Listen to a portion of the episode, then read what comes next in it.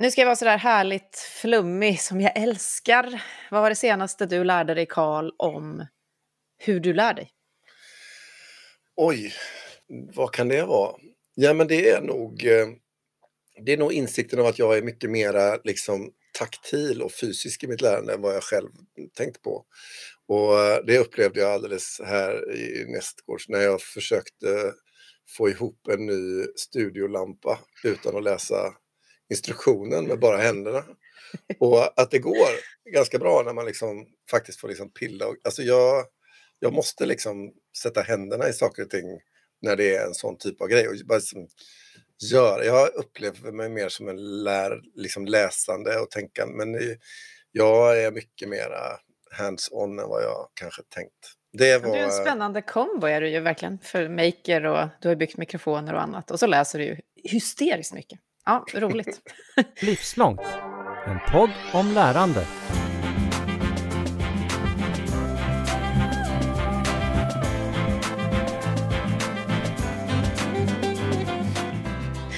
Eh, varför jag kallade det här för flummigt ens, jag kommer ihåg en gång i tiden när jag ville ha folk till att ha möten om hur man ska ha möten.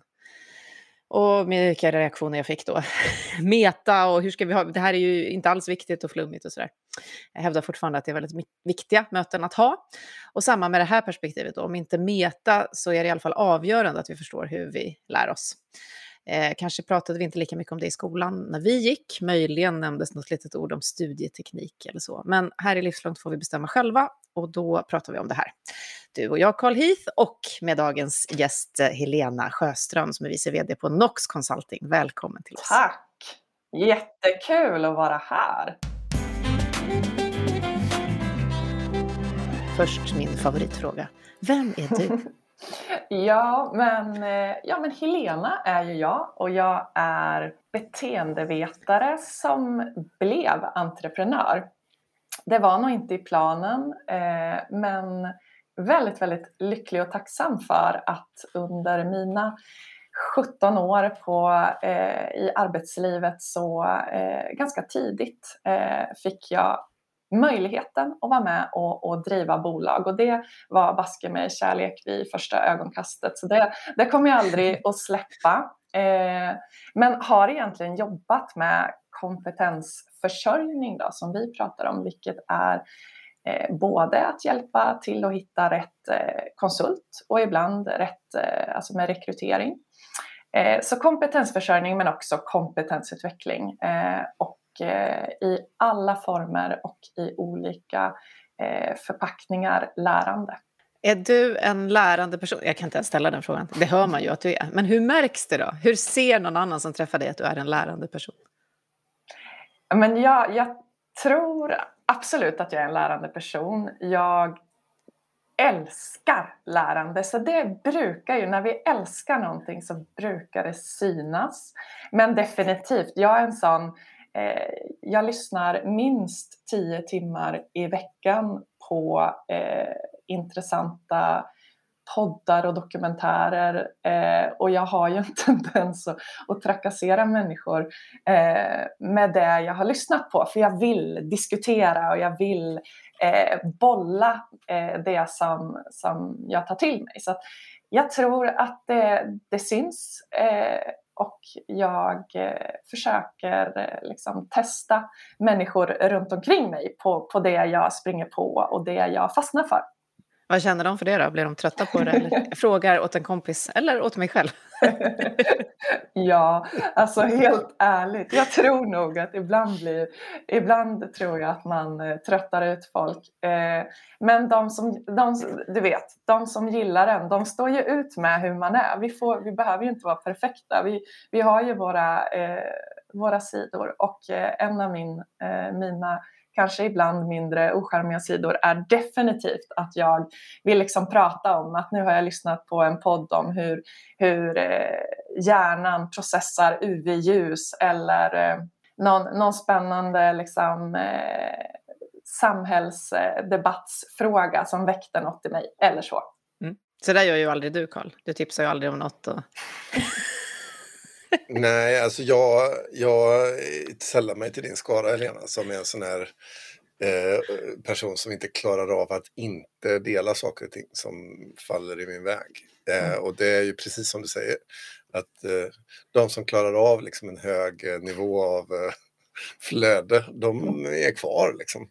Ja.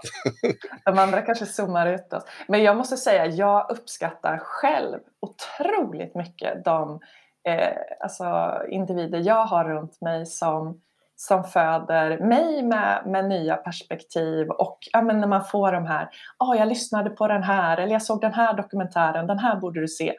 Eh, och så helt plötsligt sitter man där och tittar på tio timmar dokumentär om Vietnamkriget. Så. Alltså det, jag, jag tycker att det är otroligt berikande med eh, inspel från eh, alla olika håll och kanter. Jag håller helt med faktiskt. Och tar gärna emot alla pling i min telefon från Karl och andra. Du, Nox då? Mm. Vad, du sa, nämnde lite vad ni Mm. gör eh, och ni går mot kompetensutveckling, kompetensförsörjning och så. Men, men hur, hur, vad har lärandet för plats i er vardag om du beskriver det så? Ja, men alltså vi är ett lite eh, roligt eh, format på Nox. Vi, vi, man kan säga att vi finns i hjärtat av gigekonomin. Så vi, vi är en konsultmäklare. Det betyder att vi har inga anställda konsulter. Vi jobbar med primärt egenföretagare och sen så har vi teamat upp med små duktiga nischade konsultbolag. Eh, och det vi gör är att vi finns däremellan. Vi eh, matchar konsulter ut mot uppdrag. Och det här kan man göra på väldigt många olika sätt. Eh, man kan i princip eh, dribbla CVn bara. Det gör inte vi, utan vi eh, lägger rätt mycket tid och kraft på att tolka och analysera och diskutera och förstå vad kunden har för behov. Och det är ofta komplex senior specialistkompetens inom IT. Och sen så eh, handplockar vi rätt eh, individ med rätt erfarenhet och förmågor. Så. Och det är ett det är ett otroligt roligt eh, hantverk. Eh, och i och med att vi jobbar då primärt med egenföretagare så eh, har vi liksom vänt upp och ner på vad väldigt många av våra kollegor i branschen gör. Så att vi jobbar med att driva ett stort community, ett stort nätverk av egenföretagare. Eh, så vi jobbar hela tiden i en känd leveranskapacitet. Eh, och för de här egenföretagarna så skapar vi varje vecka eh, alltså lärande. Det är en av våra absolut största framgångsfaktorer att vi fokuserar väldigt mycket på att driva eh, utbyte, eh, formell utbildning såklart, men väldigt mycket erfarenhetsutbyte, eh, skapa forum och sammanhang där man kan lära av varandra och sen såklart eh, gemenskap, nätverka, den typen av kontext. Så att om man bara tittar på den här veckan så har vi, hade vi frukost i onsdags, vi hade eh, spelat tennis ihop eh, tisdag kväll, eh, vi hade i torsdags tror jag utbildning om eh, eh, IoT och hur, var står vi där idag. Så, så att det är verkligen eh, en stor spännvidd. Eh, fördelen för oss är att det här gör att vi hela tiden möter de här egenföretagarna, lär känna dem, förstår vilka de är, bygger en relation till dem och där i ligger sen liksom finessen med att kunna handplocka rätt eh, person. Jag hör också all, alla så här corporate-lager som ni inte behöver hantera. Ja, Nej, jag är ett helt nätverk Ja. av entreprenörer. Ja. ja. Ja, och det finns så många anledningar att prata med dig här i Livslångt idag. En av dem var att vi fick nys om att ni jobbar med att verkligen då vara, det har ju du nu beskrivit att ni gör på fler sätt, men vi såg att ni jobbar med att vara den här lärande organisationen som alla letar efter nu. Eh, och att ni då tillsammans just har hittat ett sätt att faktiskt ta er an ett, det som väl kallas för icke-formellt lärande då. En, en slags kurs, men som inte är formellt och så. Eh, vad fick er att göra det här innan vi berättar vad det här är för kurs? Eh, ja, men, ja, men först vill jag säga att, att, eh, och det tror jag det gäller de flesta organisationer, men för oss i alla fall så har ju vi, vi har en massa gratis i vår, liksom den spelplanen vi finns på. Eh, vi jobbar med kunders digitaliseringsprocesser. Det kräver eh, att vi hela tiden är lyhörda och följsamma för den här kontexten förändras konstant. Eh, vi jobbar med IT-kompetens. Eh, det är en enorm liksom, utvecklingstakt på hur eh, programmeringsspråk, arkitekturmönster, eh, hur man jobbar med, med säkerhet, hur infrastruktur skalas idag. Alltså vi behöver hela tiden lära bara av att liksom vara relevanta där vi står. Så det har vi med oss och, och eh, där, där finns vi såklart. Det finns ett lärande hos oss varje dag. Men för oss som, som organisation så är vi också övertygade om att det räcker liksom inte med att låta eh, lärandet hända utan vi måste också tänka och se till att lärandet eh, sker på fler plan. Eh, så det är väl, liksom, eh, där någonstans eh, under senhösten förra året så, så började vi i ledningsgruppen diskutera hur kan vi, eh, hur kan vi egentligen växla upp? Hur kan vi bli ännu bättre som organisation på lärande? Och då fick jag den stafettpinnen och jag kämpade eh, några månader med den och verkligen så här, läste massa böcker, funderade på hur, hur, hur får vi den här lärande organisationen? Och eh, som det är ibland när man processar ett problem över tid, man vrider och vänder, man blir lite frustrerad och sen så någon gång mellan jul och nyår så gick jag den här kursen på Coursera som heter Learning how to learn och där och då, ni vet, poletten mm. trillar ner bara. This is it. Ja, This is it. Ja. Det här ska vi göra. Det här ska vi göra som grupp. Vi är 16 personer som driver Nox. Eh, det är ju en väldigt eh, hanterbar grupp att göra eh, ett gemensamt lärande i. Eh, så då bestämde vi oss för att den här kursen ska vi gå tillsammans. Vi ska göra det varje vecka. Vi sprider ut den under åtta veckors tid, så vi tar ett kapitel varje vecka. Vi ser den tillsammans eh, och det innebär ju att man tittar på ett antal eh, filmer och hela kursen handlar om senaste forskningen på hur våra hjärnor fungerar, hur inlärning fungerar, hur eh, sömn och träning eh, påverkar vår förmåga att lära och sen otroligt många riktigt, riktigt bra tips på eh, hur vi förbättrar vår inlärning. Mm. Nästan hur vi kan hacka hjärnan lite. Vi, både du och jag har också gått den här kursen, Karl. Vilken var din största insikt efteråt? Innan vi låter Helena berätta om kollegorna. Ja du, alltså jag tycker ju det som händer med mig när jag liksom tar del av den typen av utbildningsinsatser det är ju att liksom man går in i någon form av självreflekterande mode på något sätt och relaterar de här nya sakerna som dyker upp till liksom vad jag själv håller på med i mitt lärande just då. Eller just i det sammanhanget. Jaha, men varför gör jag som jag gör nu? Och så brukar jag liksom hamna i att jag liksom börjar pröva andra sätt eller sådär. Ehm, och testa, testa mig fram i, ut, utifrån. Så för mig så, så är ju de här den här typen av liksom, utbildningsinnehåll som handlar om liksom, hur funkar vi när vi gör saker och ting. För mig blir de liksom en trigger till att liksom, ja, men nästan sätta mig själv i någon form av liksom, så här experiment eh, mode eller något. Eh, och, ja, och utforska liksom. Men vad händer om jag gör så här istället? Liksom, eller det här var ett beteende, jag gör ju på detta viset, men om jag skulle göra på ett helt annat sätt, liksom, vad händer då? Och, Mm. Ja, det, jag tycker det är väldigt roligt. Så, men sen är det också... Och det är också det svåraste. Vi pratar ju ofta om att just beteendeförändringar när det gäller lärande är ju bland det svåraste vi kan men, gå men, på. Så ja, men just också göra det i ett socialt sammanhang. Att liksom, sådana här onlinekurser för mig eh, tenderar jag att inte färdigställa om jag inte gör det i ett socialt eh, rum. Liksom. Och just liksom, och lite som, som ni gör Helena, att ni liksom väver in det här digitala med det liksom det egna samtalet på något sätt. För mig blir det ju liksom ett socialt alibi. Det finns ju en, teknik som heter så pre, vad heter det? Alltså när man, ehm, när man liksom eh, talar om hur ett utfall är redan från början Så man liksom talar om så här, jag ska sluta röka eller jag ska börja springa och så liksom ger man sig en socialt tryck att åstadkomma en förändring. Liksom. För mig så blir det en sån här kurs, lite ett sånt socialt tryck för att utsätta mig själv för prövning i att tänka på ett nytt sätt.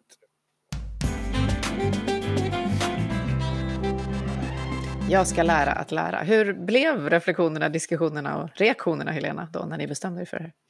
Eh, nej, men det har varit eh, drömmigt. Alltså det har varit en eh, riktigt eh, fin, rolig eh, och väldigt, väldigt värdefull eh, resa. Eh, som alla har uppskattat.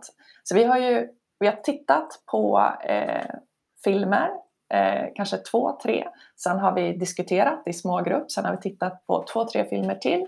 Och sen har vi diskuterat. Så det har varit så 20 till 30 minuters informationsintag och resterande tid eh, diskussion. Och det som jag tror har hänt eh, och definitivt hände för mig också, det är att till att börja med så kanske det du säger Karl, det här att man, man för det första gör man upp lite med sig själv vad man har för relation till, till lärande. Hur man, hur, alla har pratat i, i på NOX. Alla har pratat om hur lärde jag när jag gick i skolan? Hur ser jag på lärande? Vad var, vad var det som jag tyckte var lätt? Vad funkade för mig? Vad var det som inte funkade? I vilka situationer funkade det inte? Sen så tror jag unisont har vi alla sagt ungefär 10 000 gånger varför fick jag inte den här kursen tidigare? Den här skulle jag ha haft när jag gick i skolan. Men mm. så skrattar vi och säger liksom, gött att vi fick den nu. nu. Vi har ju massor med liv kvar att lära på. Liksom. Så att det, eh, men det finns, det finns jättemycket handfast att ta med sig. Eh, men en av de största eh, insikterna och verkligen så passning till alla organisationer som, som tampas med hur ska, vi, hur ska vi bli en lärande organisation Eh, det som är fint med att gå en kurs eller göra en aktivitet ihop, det är att man får ett gemensamt språk. Vikten av ett gemensamt språk. Eh, nu så kan vi, vi gick sista delen igår. Eh, så att nu har vi liksom sett alla de här delarna och alla i bolaget förstår direkt vad vi menar när Anna säger att nej, nu måste jag gå in i diffused mode, jag tar en promenad. Eller när eh, liksom, någon eh, behöver, eh, när man kontextswitchar på fel sätt och blir sådär upphackat splittrad som vi alla känner igen sig. Hur man liksom hämtar tillbaks det. Eller att inte prokrastinera bort det som är svårt utan på to-do-listen så ska det det svåraste jag behöver göra idag, det ska stå liksom högst upp, det är det jag tar först. Det finns massor med sådana mm. eh, som vi idag pratar om på ett annat sätt, för vi alla vet vad vi menar. Så att, eh, Säg någon, något beteende som du själv verkligen har konkret förändrat på grund av det här. En, en, en direkt sak, respekt för sömn.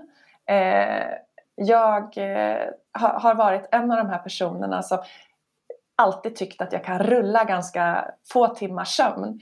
Eh, men efter den här kursen så eh, har jag slutat gå upp fem på morgonen. Jag går upp lite senare. Jag eh, ser till att liksom få mina timmars sömn på ett annat sätt för att sömn verkligen städar hjärnan. Hjärnan sorterar och minnen befästs under sömnen. Och med den insikten så så har jag eh, mycket mer, eh, jag vårdar min sömn på ett annat sätt. Eh, ska vi lyssna lite på vad dina kollegor har att säga om hur ni gick den här kursen och kanske vad de ändrade för beteende? Jag tyckte att det var jättekul att gå eh, kursen för att många av koncepten har jag stött på tidigare men helt plötsligt så fick jag ord på hur jag ska beskriva dem för andra, förstå hur andra tänker och liksom insikten om hur mina kollegor fungerar och jobbar i liksom relation till de här koncepten har varit jättespännande. En sak jag tar med mig från kursen eh, som jag tycker har varit lärorikt är det här med eh, diffuse och focus mode. Att någonstans också inhämta lite ny inspiration, släppa det man jobbar med som är viktigt här och nu och gå in i det här diffusa, ta en promenad och verkligen låta, sig. allting behöver inte komma på en gång utan viktigt att eh, pendla mellan de eh, olika eh, eh, känslolägena så kommer det också kännas liksom lättare att gå vidare och få ny inspiration. Det tar jag med mig. Eh, jag tänker bara innan vi lämnar just det här som ni har gjort, och det här har ni säkert båda reflektioner om. När vi pratar om det här, hur blir vi en lärande organisation, så är det väldigt många som säger att vi vill och vi längtar efter det, men vi förstår inte hur vi ska få plats för det. Och ni är ju också en sån, ett bolag som drivs av en vinst förstås och ni har säkert så beläggningsgrader och så som många av oss andra har. Hur gör man den platsen? För den kommer ju inte av sig själv. Hur, hur skapar man platsen för lärandet mitt i allt det där leveransandra? Mm. Nej, men och det, var min, det var verkligen min eh, konflikt eh, under hösten. Eh, jag har ett extremt högpresterande, engagerat, fantastiskt team och människor runt omkring mig. Hur ska jag eh, kräva av dem att lägga in tid och eh, engagera sig ännu mer än vad de redan gör? Så det, det var min oro. Men sen när vi väl drog igång Eh, det här projektet eh, så blev det inget problem. Det, vi har lagt en timme tillsammans. Det blev totalt odramatiskt. Eh, och det har dessutom blivit någonting som har eh, alla eh, tror jag verkligen har känt att det har givit någonting. Så jag tror att, att det är där vi alla börjar. Eh, som när man tar på sig arbetsgivare eller liksom organisationsperspektivet att tiden, tiden är. Mm. Men, hur ska vi ha eh, råd med det? Hur ska, hur ska vi, ja, mm. precis. Eh, jag tror att, att vi ska vara smarta när vi konstruerar lärande, både för oss som enskilda individer eh, och där har jag lärt mig jättemycket med åren. Men jag tror också att vi ska vara smarta som organisationer Eh, det som vi kände var värdefullt med den här kursen det är ju att den handlar om att, att förstå ditt eget verktyg, hur hjärnan funkar. När du väl förstår det, då har du mycket bättre förutsättningar att vara effektiv och klok med hur du sen lär. Så att, att vi har gått den här kursen, det stannar ju inte med det utan vi har nu massor med eh, tankar och idéer som ska liksom kondenseras ner till smarta lärandeprojekt fortsatt nu då. Mm. Ja, Karl, vad tänker du? Vi har ju kämpat med det här både i vår egen organisation och när vi jobbar med andra. Liksom. Att bara ta det här klivet nu då, skapa platsen, det är ju prioriteringar.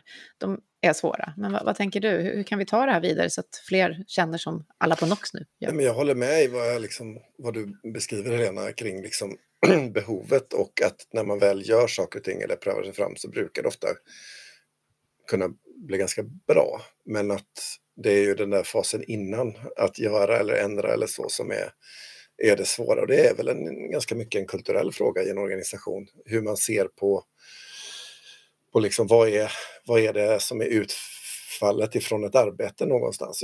Och, och jag har tänkt allt mer på det, inte minst utifrån liksom, eftermälet av pandemin och hur vi har ändrat arbetssätt och sådär. Vi har liksom en traditionell syn på arbete där vi i lag reglerar var vi arbetar och hur mycket vi arbetar. Det är det vi är liksom juridiskt intresserade av. Men hur vi arbetar eh, och vad effekterna är av den tid vi lägger ner, den har vi en mycket grumligare förståelse för. Eh, och det kanske var okej okay när vi var ett liksom, fullödigt industrisamhälle, men nu är vi inte det, utan vi är ett kunskapssamhälle och där tiden som vi jobbar kan ju disponeras på väldigt olika sätt och därför få väldigt olika utfall. Eh, en timme eh, liksom, är inte detsamma för olika personer eller olika organisationer eller så. Och när man stirrar sig blind på tiden, eh, näret, liksom, då, då tror jag att vi missar eh, effektmålen helt enkelt när vi bygger kunskapsorganisationer. Saker som händer på en kvart kan ju ha ett enormt värde och saker som händer på flera år kanske inte har något alls. Liksom. Så, så, och det, jag tycker den liksom hela tankekonstruktionen hänger ihop med synen på, på lärande och det här med att mm. prioritera tid och att lägga tid på, på saker och att liksom kanske ta ett steg tillbaka och fundera över liksom, vad är det som generera värde i vår verksamhet för oss själva och kunder och, och sådär. Ja, det kräver att man vänder upp och ner på några frågor. Ja, men, och jag tänker ett, ett perspektiv på det där för jag tror att eh, alltså, jag har jobbat i många olika eh, typer av organisationer och som sagt idag jobbar jag i en kontext där eh, alla är sina egna. Alltså i Nox community så är alla egenföretagare, de är sina egna chefer. Och jag tycker det finns en oerhört bra insikt i att hos de här egenföretagarna, för övrigt en fantastisk grupp människor med väldigt mycket driv och engagemang och kompetens. Men det är också glasklart i den här kategorin, målgruppen, vilken plats lärande har i vardagen. För när du är din egen, så det jag gör idag, det jag kan idag, är det som skapar möjlighet för vad jag kan göra imorgon. Därför behöver jag lära. Jag behöver lära på mitt uppdrag, men jag behöver också lära parallellt med det. Eh, så jag tycker där finns, eh, är man nyfiken på det här med liksom var motivation och lust till lärande och liksom sense of urgency, den finns i den här målgruppen Eh, på, ett, eh, på ett väldigt kreativt sätt.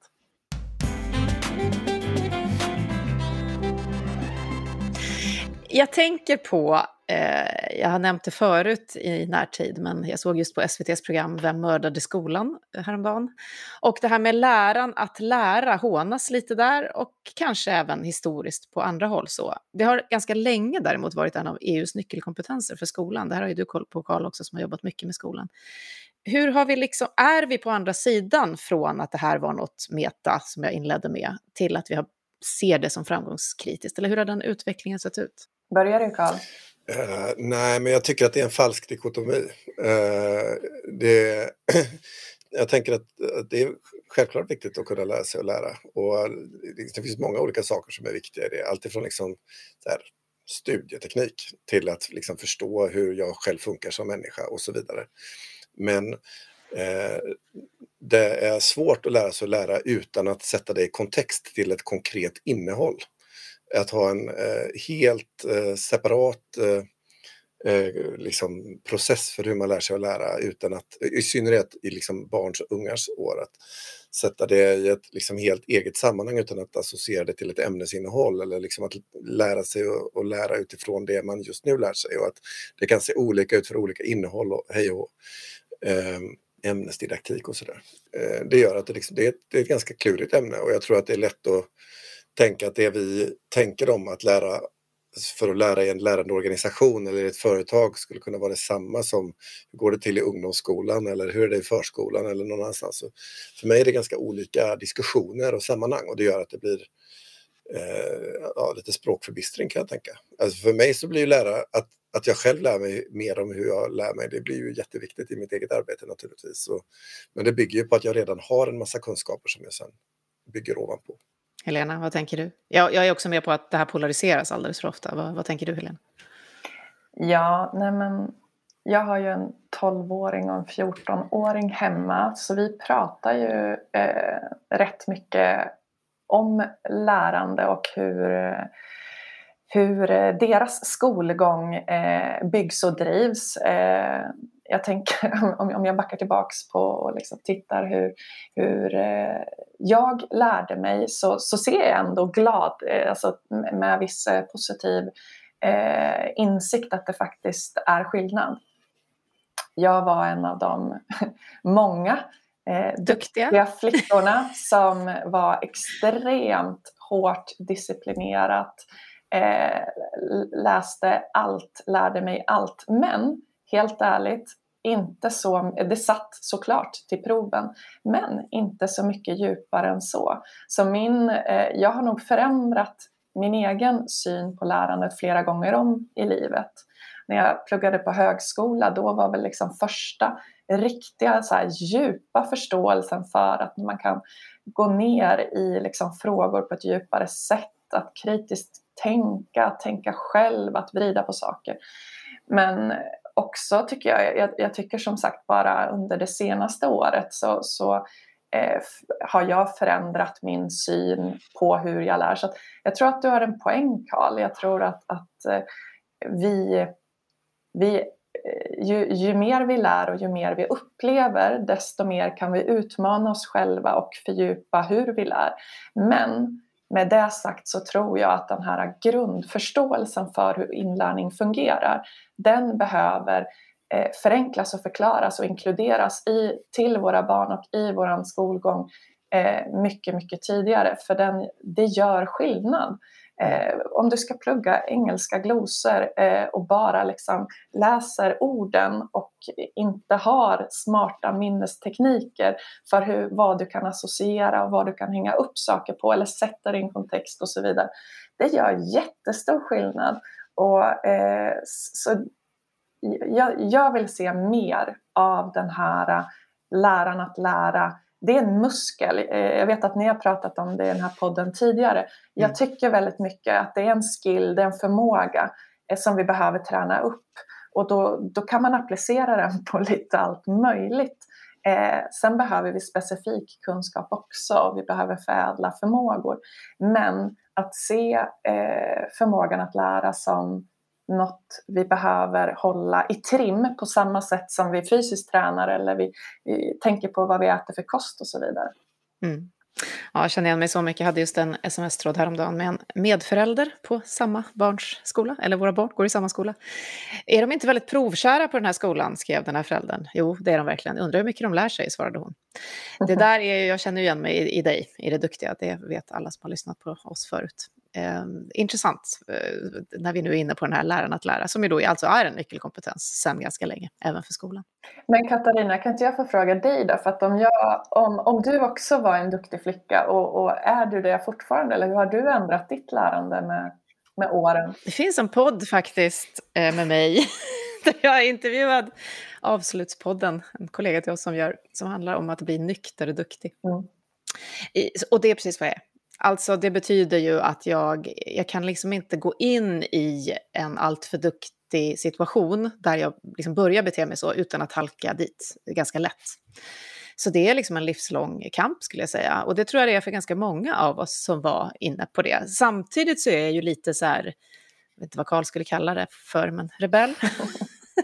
jag protesterar rätt lätt mot sådana typer av sammanhang. Så det har också hjälpt mig, tror jag, att eh, då ta mig över till ett annat sätt att försöka lära, att inte leverera för duktighetens skull. Eh, och det är svårt i det samhälle vi lever i. Det ser vi ju på barnen mm. också, tänker jag.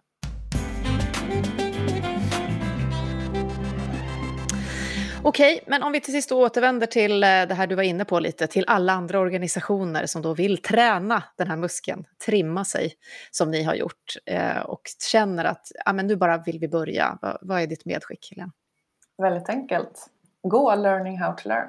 Nej, men det, det gör, gör någonting. Börja enkelt, börja litet. Eh, alltså när vi pratar om kultur, vilket eh, jag älskar att prata om, Eh, så tror jag att det är viktigt att eh, se och tänka att kultur är det vi faktiskt gör i vardagen. Det är inte en innovationsdag som vi har eh, någon gång nu och då utan det är vad vi säger till varann, hur vi framförallt tycker jag hur vi hanterar problem och utmaningar.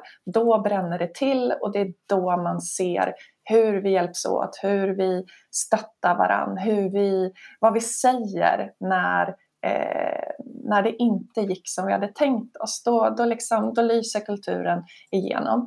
Och eh, vill man börja eh, få till mer lärande så behöver man eh, reflektera tillsammans. Man behöver göra någonting eh, att reflektera kring. Men jag tror också jättemycket på den här eh, grundbulten att eh, bygga, eh, bygga ett snack eh, i organisationen kring eh, när det blir svårt, när det blir konflikt, när det inte funkar som det ska. Eh, kan vi möta det med skratt? Kan vi möta det med att vi stöttar varandra? Eh, göra det liksom... Eh, där någonstans börjar man bygga på kultur, tycker jag. Jag tar med mig det här gemensamma språket mm. också. Tror jättemycket på det. Mm. Stort tack Helena Sjöström från Nox Consulting för att du kom till oss på Livslångt, till mig och Carl Heath. Eh, tack för ett jätteroligt samtal båda två. Tack. Tack för en bra podd. Tack, tack. Du har just hört Livslångt, en podd från RISE om allt det där man lär sig i livet. Vi hörs om en vecka igen.